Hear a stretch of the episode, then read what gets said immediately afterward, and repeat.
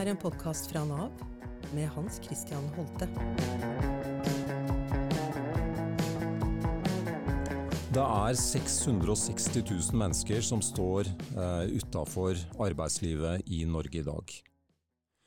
Hvordan har disse menneskene det, og hva kan vi gjøre for å sørge for at de har en meningsfull tilværelse, hvor de kan bidra i samfunnet eh, etter sine muligheter?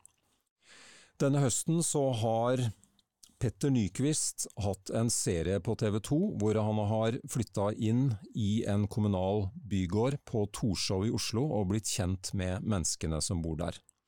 Jeg ønsker å snakke med Petter for å få en bedre forståelse av noen av disse menneskene som er såkalt utenfor, og hvordan de, eh, de har det og hva de sliter med av utfordringer. Petter Nyquist, eh, også kjent for hele Norge. Tror kanskje mest som Petter uteligger. Ja, det har blitt det. det har blitt det. Ja. Utrolig fint å, å, ha deg her i studio, Petter. Takk, takk for at jeg får komme.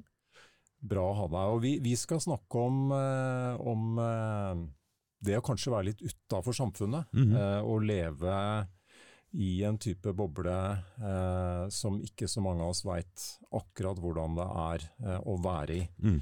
Nemlig det å befinne seg i eh, kommunale boliger i, i Oslo. Mm. Eh, og kommunale boliger som er ganske konsentrert mm. Eh, i visse deler av byen vår. Ja. Eh, og det har du nå ute i en serie som ruller og går på TV 2. Stemmer. som heter Petter der ingen vil bo. Petter der ingen vil bo.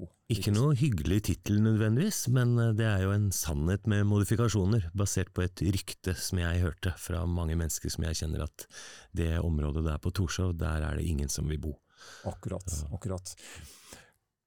Bare la oss begynne eh, litt med, med, deg aller ja. først. Mm. Eh, fordi du kom inn på dette sporet her for ganske mange år siden. Ja. Eh, og det var vel sånn at den Petter uteligger-serien, det var den første serien du gjorde ja. hvor du, som tok deg sjøl og gikk inn eh, i en litt annen virkelighet, kan vi si. Mm, mm. Og det gjorde inntrykk på meg, den første episoden av eh, Petter uteligger, for der, der viser du på en måte veien din, da. Mm. Fra et eh, liv med ekspedisjoner og ja, etablert hjem, og... etablert hjem med småbarn osv. Og, ja. Eh, og, og til dette sånn utforskende på livets skyggeside, kan vi si. Mm. Um, og det var noe borte i USA, borte i California, LA, var det det? Eh, som, Las Vegas. Las Vegas var det. Eh, som eh, betydde mye for deg da. Kan ikke du si litt om hva som skjedde i Las Vegas eh, for noen år siden? Jeg gjorde en slags tulleekspedisjon der med en venn av meg som het Alexander Gamme. Så vi skulle krysse Las Vegas uh, på langs med ekspedisjonspulker påmontert skateboardhjul og skateboardtrucker. Høres veldig rart ut, men det stemmer faktisk. Det uh, ja, det var det. men så er det jo det at Las Vegas er jo liksom en sånn fake fasade, egentlig, som andre sier er bygd opp av tapere. Og i Las Vegas så er det da veldig mange mennesker som havner utenfor. Og så er det jo et helt annet velferdssystem enn det vi har i Norge, altså USA. Og på daværende tidspunkt, i 2011, så var det noen som i hvert fall fortalte oss at eh, Las Vegas var rangert som den byen eh, i USA som bryr seg minst om de menneskene som faller utenfor. Så de blir bare på en måte skyfla vekk. Um, men så traff vi veldig mange av disse menneskene, for vi sov jo på gata, og det var jo de folka som visste hvor det var lurt å sove. De aller fleste eiendommene der tilhørende kasinoer etc. er jo privateid, så da har jo de rettigheten til å eh, velge hvem som får være der og ikke. og de da menneskene som da lever på skyggesiden, de får absolutt ikke være der. Eh, vi traff mange av de, inkludert at under eh, Las Vegas eh, by så er det masse flomvernstunneler, så der bor det masse mennesker. Og vi dro ned i disse flomvernstunnelene, ble kjent med såkalte Steve, som ble anerkjent som borgermester i, nede i disse flomvernstunnelene, og vi tilbrakte litt tid sammen med de. Og da fikk du liksom se en helt annen side, da, som gjorde meg eh, bevisst på mange mulige måter ved å tenke Husker jeg at eh, det jeg ser her, er jo egentlig som skjer i Norge også.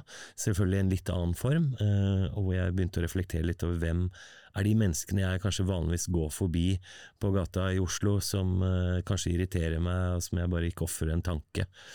Så det var der ideen oppsto til at uh, ettersom jeg ikke er en teoretiker, men en praktiker, så tenkte jeg at hvis jeg skal prøve å forstå, i den grad jeg kan det, så må jeg dra hjemmefra og leve på gata en periode. Og det var det som da noen år senere endte med å bli denne Petter Uteligger 52 dager på gata. Ja, mm. ikke sant. Og, og, i den første episoden av Petter Uteligger så får du jo eh, egentlig ganske godt fram eh, det spranget det er, da. Mm. Eh, å gå fra du reise fra datteren din og, og kjæresten din, mm. og befinner deg plutselig på gata med ti kroner som du tilfeldigvis finner i, i lomma, som blir nok til et uh, kneippbrød på Kiwi eller noe sånt. Ja, stemmer det. Og det, det, er liksom starten, og det tror jeg vi alle kjenner litt på kroppen når vi ser dette her, at ja. det, er, eh, det, er, et stort uh, sprang, og det er mye utrygghet uh, knytta til, uh, til, det. Og det, mm. det du Ja, hva Altså, Én var jo at jeg hadde jo ikke noe kunnskap, jeg hadde ikke noe erfaring på det området. Hvor, hvor skal du gjøre av det? Det er jo det eneste. Jeg har jo ikke noe såkalt hjem. Eh, det hjemmet som ble for meg, det ble jo nytt fra dag til dag. Om det var å sove litt på Oslo S, eller om det var å sove i parkeringshus. Men du har jo ikke noe permanent sted. Og så er det jo alle å navigere seg og prøve å få en oversikt over alle disse tilbudene som finnes, for det finnes veldig mye bra tilbud. Men, eh, så det var jo, du kan jo si at De første ukene var kanskje der hvor påkjenningen var aller størst. Og så er det jo noe med at ja, jeg var mye redd i starten, men det handler jo også om frykt som jeg på en måte danner i mitt eget hode, basert ja. på uvitenhet og mangel på kunnskap. Men etter hvert så ble jeg jo kjent med mange, eh, mange som ga meg tips og råd og ville hjelpe meg å vise hvordan det var, og ikke minst også dele av sin hverdag. da. Og kan, Man kan si så mye man vil om at jeg hadde de utfordringene jeg hadde mens jeg var der i de 52 dagene. Ikke så mye fysisk, men mest mentalt. Uh, men det gjorde jo litt med meg å tenke liksom, men hva med de som er der hver eneste dag? Som er på en eller annen reise, de og som uh, de ikke vet hvor lenge varer, ikke sant? og alle de utfordringene de står i.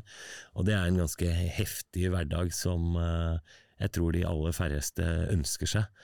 Eh, og da krever det eh, enorm, eh, enorme ressurser for å få den dagen rett og slett til å gå rundt. Nå er jo de som har et rusproblem, de må jo skaffe seg det de trenger hver dag for å overleve.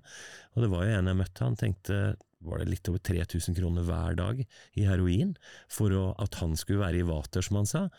og det er mye penger. Og det er også penger som du skal ha i cash, som det var den gangen. Ja. Uh, og hva gjør du da for å få tak i det? Det er en heftig jobb. Det er en, mm, altså, om du kaller det en 300% stilling, egentlig. Hele tiden handler det om det. Og det, det kjenner jeg igjen fra, fra, tidligere gjester her i eh, studio også. At ja. uh, Kajsa Hansen Sukhov f.eks., for som ja. forteller om fattigdom. Mm. Den, egentlig det overskuddet og den kreativiteten det kreves bare å få disse dagene til å gå rundt mm. eh, og leve gjennom det, rett og slett? Ja, i hvert fall i hennes tilfelle som har barn i tillegg. Ja. Eh, så kan man si så mye man vil. Liksom at det er ikke det at uh, uavhengig av hvilken situasjon du er i, så kan du være en like god mor og gi en like god oppdragelse til barnet ditt, men du har jo en del andre stressfaktorer som jeg vil tro at barn f.eks. i den situasjonen merker på en eller annen måte, og kanskje mer legger merke til når man blir eldre. Så det er jo en fulltidsjobb, og vel så det. Det er nesten ikke i stand til å nesten kunne jobbe, spør du meg, for det krever så mye, da. Denne høsten her så har jeg ønsket å gå dypere inn i ett tema. Ja. Eh, og det dreier seg om rett og slett å inkludere flere av de som står et stykke fra arbeidslivet. Mm. Prøve å få flere av dem eh, med, rett og slett. Mm. Uh, og det er jo bl.a. fordi det er uh, veldig stor mangel på arbeidskraft i veldig mange ulike bransjer i Norge i dag. Og så mm. veit vi jo at det er hundretusenvis av mennesker i Norge som eh, ikke får jobb eller ikke har jobb. Og mm. mange av dem eh, ønsker jo også eh, å jobbe, ønsker å bidra på forskjellige måter. Selvfølgelig. Og, og, da tenker jeg at den serien som du nå viser, den viser jo noe av hva utenforskap også gjør med mennesker. Mm. Eh, kan du ikke si litt om hvorfor du gikk inn i akkurat eh, denne bygården på Torshov og tenkte at dette vil jeg fortelle om? Mm. Nei, det gikk jo igjen basert på møter jeg har hatt. Først og fremst bosituasjonen. Eh, kan du si at uh, en som jeg ble veldig godt kjent med faktisk når jeg bodde på gata, en som het Christer, han uh, hadde jeg veldig god kontakt med i lang, lang tid etterpå, før han dessverre døde i 2018.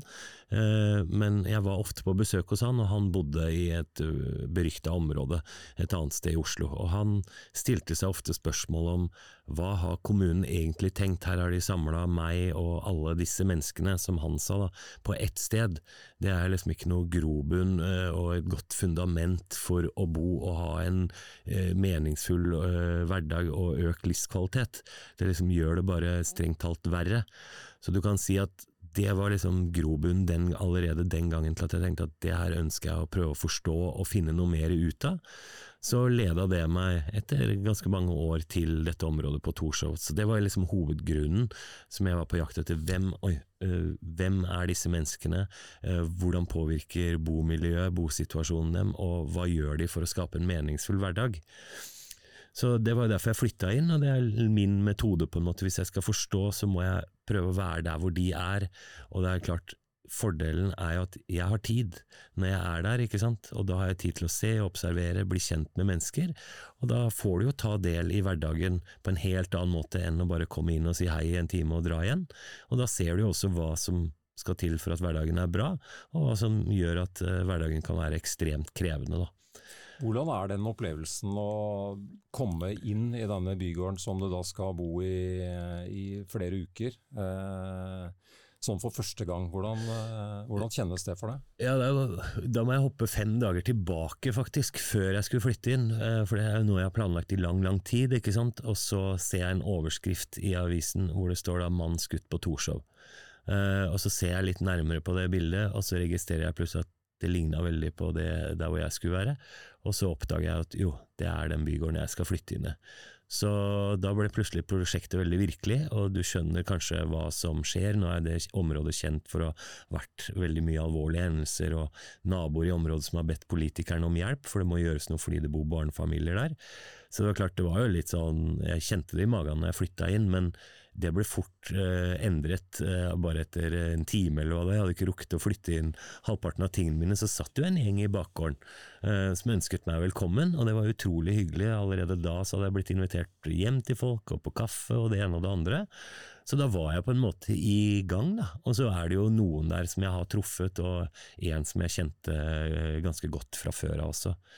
Så men det blir jo som alt annet der også. I starten så tar det jo tid, og så blir du kjent, og på slutten, sant, etter de siste dagene, så hadde jeg jo ikke noe annet enn å gjøre enn å dra fra sted til sted, for da hadde du blitt kjent med så mange. Men da kommer du veldig tett da, på menneskene, og da ser du nettopp alle de situasjonene, og litt tilbake til det du spurte om. Eh, det fundamentale for å bo eh, for oss alle, det er jo å ha en form for trygghet og en stabilitet. Uh, og med mitt første øyekast uh, i den bakgården i løpet av noen dager, så var det ingenting, for meg i hvert fall, som jeg tolka det finnes her.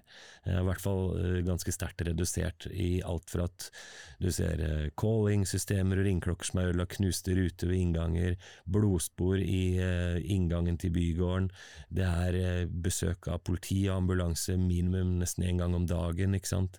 Det ligger søppel og flyter både i oppganger og utafor som ser ut som det kan være en søppelplass til tider. Så allerede der så har du jo tatt vekk noe av det fundamentale, da, og det er jo klart det påvirker jo også de som bor der og deres hverdag. Det er jo litt sånn kjent fenomen at uh, er det rotete rundt oss, så er det ofte litt mer kaos i huet, og det er lettere å bare kaste den søppelposen på bakken når det ligger masse annet søppel der.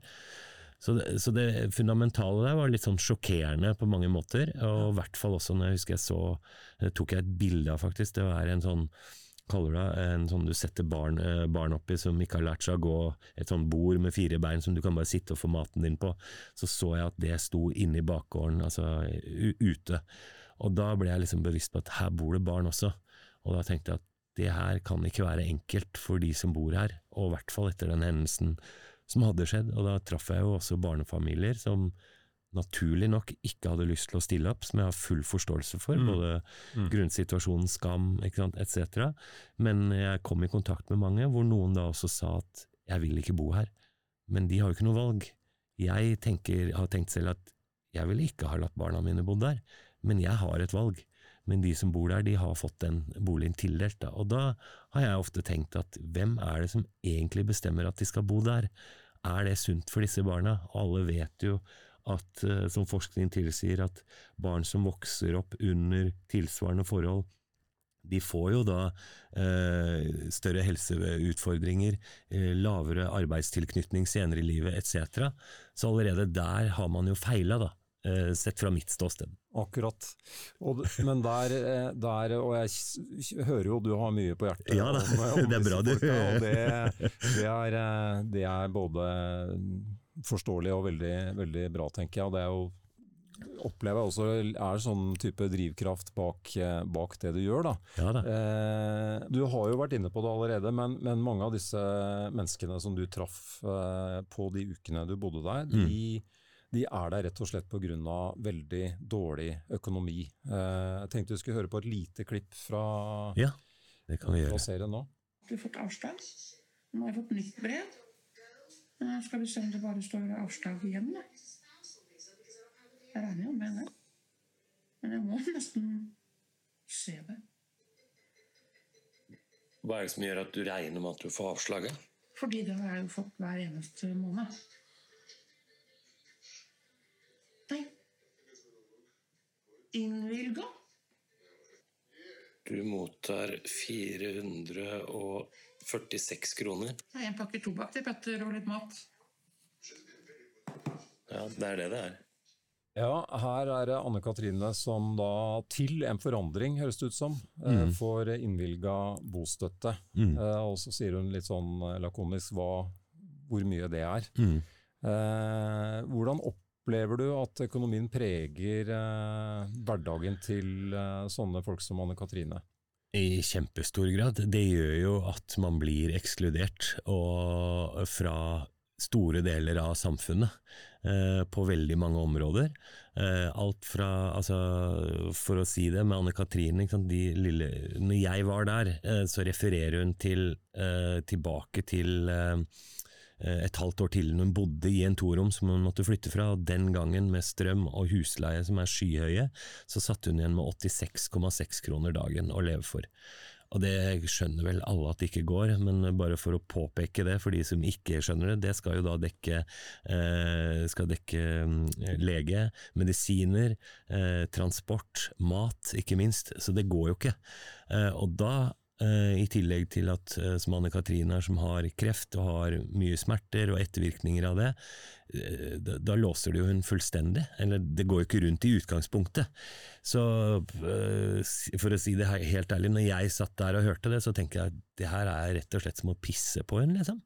Og det er egentlig helt forkastelig. Er det sånn vi tar vare på de menneskene som har utfordringer i samfunnet, og at hvorfor kan vi ikke gjøre mer for de?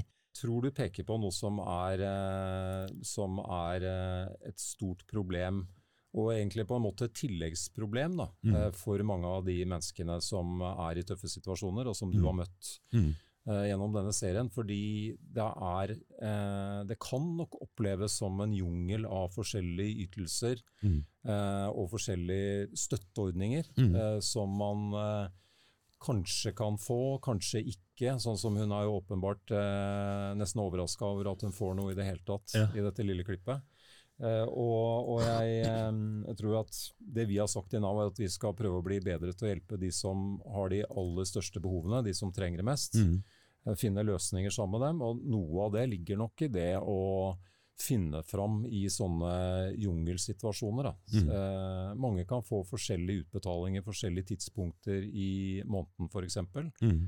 Det ville vært vanskelig for eh, de aller fleste, tror jeg. Mm. Hvis du som får noen utbetalinger som treffer en måned, noen en annen måned. Ja. Eh, du har ikke den der faste lønnsslippen som, eh, Mm. som, som bestemmer hva du får. Så, så her eh, Her er et helt reelt uh, problem. Ja, for det gjør jo noe med den forutsigbarheten ofte. De som bor i disse kommunale leilighetene, de har jo tre års leiekontrakter, i hvert fall som jeg har blitt fortalt. Det er jo en ting som ikke eh, peker langt framover i tid. Eh, og så eh, varierer jo også disse støtteordningene, så det er forskjellig fra den ene til den andre måneden. Og det gjør det jo veldig vanskelig for de, tenker jeg. også tenker jeg at man må ha i bakhodet at disse menneskene er jo, som hun ene sier, er, altså de er jo syke av en grunn. De har sine utfordringer, som jeg nevnte litt innledningsvis, så kommer det her oppå det hele.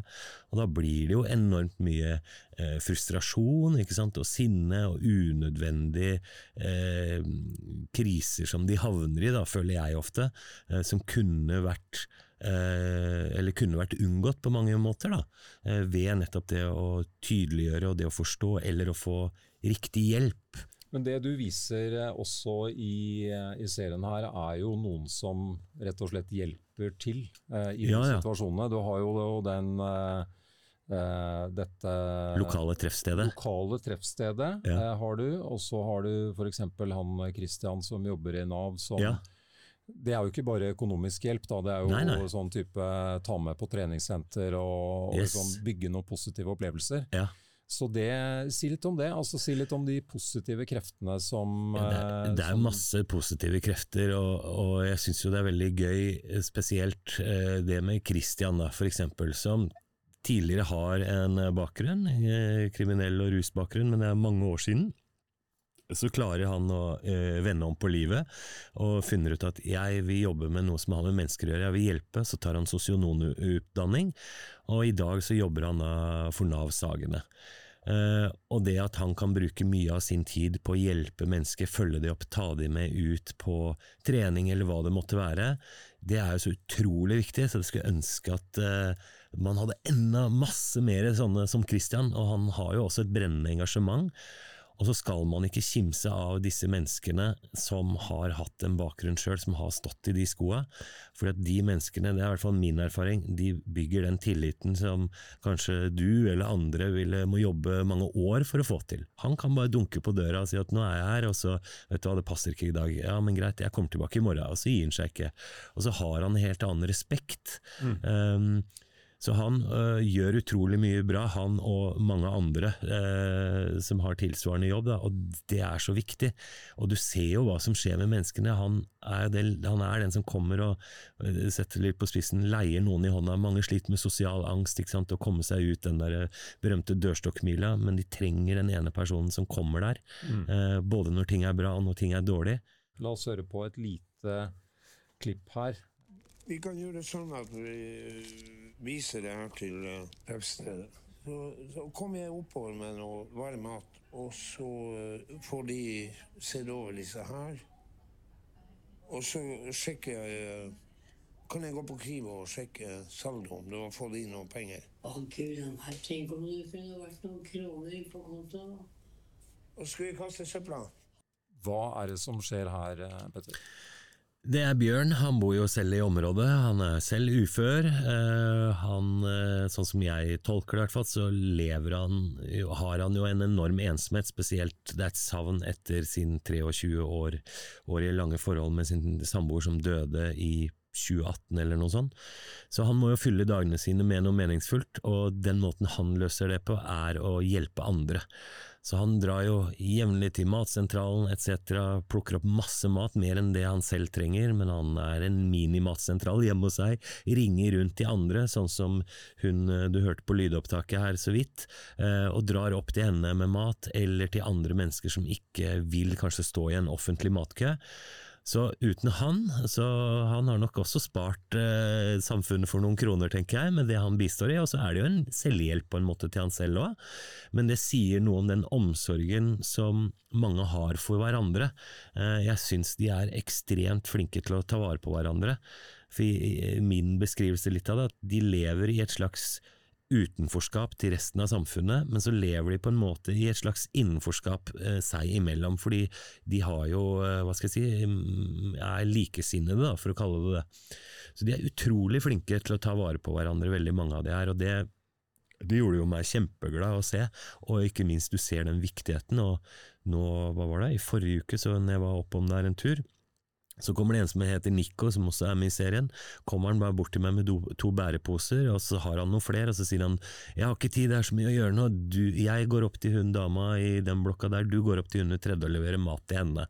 Så de er utrolig flinke, og jeg tror også at man kan engasjere flere av de. Eh, men da igjen, da må man ikke være så vanskelig som noen er. Jeg skal gi et eksempel på det. det noe, I serien så er det en organisasjon, eh, eller forening, de kaller seg i hvert fall eh, Dyrehjelperne. Selv om det høres ut som de bare har med dyr å gjøre, så har de ikke det. De deler ut mat til, til de menneskene som bor i området der. Og de har fått lov tidligere til å dele ut utenfor treffstedet. Altså For noen måneder siden, rett før sommeren, så fikk jeg en telefon fra hun Marianne som driver stedet. Nå har hun fått beskjed gjennom, jeg vet ikke hvor høyt oppe i systemet, noen i kommunen, de får ikke lov til å dele ut mat der. Så tenker jeg, hvorfor ikke? Og hvorfor kan de ikke dele ut i bakgården eller andre steder i området? Og så ser du, når de har vært der, så hjelper jo Nick og Bjørn de og deler ut mat, og så blir de på en måte sysselsatt på en eller annen måte, da, som gir de også mye, så vi kan bli flinkere, vi må være flinkere til å være kreative, litt som jeg føler at Eh, som tvang oss når koronaen kom. Hvis det er noe koronaen bringet med seg som er positivt, så var det det at plutselig så måtte vi tenke annerledes. Plutselig ble det podkaster over natta. Nei, det kunne vi aldri gjøre før, men nå var det muligheten. Mm. For da var vi plutselig, eh, hadde vi ikke de rammene å forholde oss til. Og det trenger vi mer av. Eh, det, og det å si at selvfølgelig skal dere få dele ut mat her, men da finner vi en, en eller annen løsning istedenfor å bare si nei. Ja. Det syns jeg er så dumt. da. Man må jobbe og tenke litt utafor den boksen hele tida. Ikke sant. Jeg, synes du viser jo masse varme for disse folka. Altså, du, du blir jo tatt eh, også godt vare på. Blir, du får, ja, ja. Eh, la oss høre ett klipp til ja, som sier litt om det. Long time no see. Ja, nå blir jeg bortskjemt er du. Ja. Så deilig, da. Kos deg. I love you. I love you too. Ha det. Ja, her hører jeg jo folk som setter pris på deg og, og gir deg mat, rett og slett. Eh, hvordan eh, opplevde du de folka du ble kjent med her? Jo, I dette tilfellet med hun Lena, hun da, ble jo nabodama mi, altså på andre siden av bygården. Vi starta etter hvert å vinke til hverandre hver morgen, så det ble starten på en kjempefin dag, i hvert fall for min del, at noen smiler til deg, vinker til deg, og etter hvert blir invitert med hjem. Og så begynte hun å komme med mat på døra mi, middagsmat. Eh, jeg syns det var vanskelig å ta imot den maten. Altså, jeg satte jo selvfølgelig pris på den, misforstå meg rett, men jeg vet hvilken situasjon hun befinner seg i sånn økonomisk. Eh, men så så jeg også at eh, Jeg ble selvfølgelig glad for det òg, men jeg så jo hva det betydde for henne. Hun ville bare vise sin omtanke for noen andre. da. Så det endte med, jeg tror det endte med å bli tolv måltider eller noen i løpet av de 40 dagene som hun kom med, og så snakket vi om det når jeg skulle flytte derifra igjen, at nå skal jo ikke jeg være her lenger, hva skal du gjøre da? Hvem skal jeg lage mat til da? Så har hun funnet noen nye hun lager mat til innimellom, da. Så det er mye omsorg, mye kjærlighet og omtanke for hverandre som eh, jeg tror vi uten, utenforstående fra den livssituasjonen som de er i, kan ta med oss. Nettopp det at eh, vi må være litt mer årvåkne og tenke hva kan jeg gjøre for noen andre? Eh, om det er nabodama der hvor jeg bor, eller det er så lite som skal til en SMS, eller vi kjenner alle noen som har kanskje mer utfordringer enn oss selv. Det eneste det koster, det er bare litt av tida di. Om det så er du bruker én time i måneden eller hva det er, så er det så lite, men det kan bety enormt mye for de det gjelder. Har du gjort deg noen refleksjoner om, om hvor det butter? Så lenge de kan og har lyst, så tror jeg det viktigste vi kan gjøre er å heie på de, for å kalle det det, og ikke gi de masse motstand. Jeg skal gi deg et eksempel eh, som jeg har vært borti mange ganger. Det er folk som ønsker å begynne å jobbe. Og i hvert fall sånn som jeg, dette Forhåpentligvis kan du mer om det her om meg, men på, det står jo at man kan tjene 0,4 G utover uføretrygden uten at du skal liksom bli belasta for det. Men det er jo en sannhet med veldig store modifikasjoner, fordi at så fort du begynner da å jobbe, det er en sånn 3000 kroner eller 37 i måneden i, hver måned i et år, så trekker, jo, trekker man bostøtte. Og da har man allerede gjort noe veldig rart, syns jeg, sånn som Christer. Eh, det er et godt eksempel på det som vi snakket innledningsvis. Han begynte å jobbe på Erlik kaffe, dette tilbudet som er denne kaffebaren med folk med rusbakgrunn har i Oslo. Og han var så fornøyd, og plutselig ga hverdagen hans en mening. Han ringte meg, husker jeg, tre ganger sånn i krisesetting hvor jeg tok telefonen en fredag hvor jeg satt med familien, så tenkte jeg nå brenner det, eller er det ikke helt krise? Det Christer skulle si til meg da, fy fader, det er så gøy det her, jeg har vært et sted på Tøyen og spurt en annen kaffebar om jeg kan få jobbe der òg, for det her ga så mye mening, og så har jeg betalt ned en regning som jeg så, eh, så å si aldri har gjort i hele mitt liv. Han var stolt av å tjene sine egne penger og kunne betale en regning, eh, og det sier jo litt. og Jeg er ikke så veldig glad når jeg må betale regninger, men han var det da. Men så kom det til et eller annet stadie, så fant jo da noen ut at han tjente penger, så kutta de bostøtten hans. Samme gjelder Line som er med i serien her òg. Jeg er jo med hun i serien når hun er eh, på jobbintervju, blant annet på Ali Kaffe og det som er under velferdsetaten Nyttig arbeid. Kjempefint tilbud. Så begynner hun å jobbe, og så blir hun trukket bostøtte. Og i dag nå så sitter, går hun i minus, fordi øh, ok, det kommer noen andre ting. altså Hun må ha busskort for å komme seg til jobben, og så må hun sørge for at noen kan passe hunden hennes, som hjelper henne mot sosial angst og alt det der. Så hun går nå i minus hver måned ved å jobbe. Og ja, vi vet alle at jobb det fører med mye positivitet, ikke sant? et nettverk, det at plutselig så er det noen som savner hun hvis hun ikke dukker opp, ikke sant? det vokser man på, men da må man ikke starte med å sette masse kjepper i hjula på henne. Da syns jeg heller, jeg skjønner at det må være noen grenser på det, men heller si at ok, nå prøver du dette her et år, så tar vi en ny evaluering da.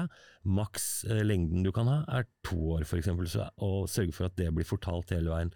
Så fordi vi alle blir jo glad for de ekstra pengene, og er det noen som trenger de ekstra pengene, de ekstra tusenlappene, så er det jo nettopp sånne mennesker. Og da er det jo lett å tenke at vet du hva, jeg driter i å jobbe, jeg. Fordi at det går jo i minus. Så, men det er jo først de som begynner, og da, da, skjønner de jo viktigheten av det. Men vi må få også noe mer penger. Rett, enkelt og greit. Enkelt og Ferdig greit. snakka. Ferdig snakka. Ja. Ja. Men det er bra det, Petter. Du, Ja. du kommer med veldig sånn tydelig Også flere, bare for å skyte inn, flere sånne personer som Christian, som kommer, om det er fra Nav eller andre steder, som bygger opp mennesker så de kan komme i en posisjon hvor de har lyst til å ta det valget.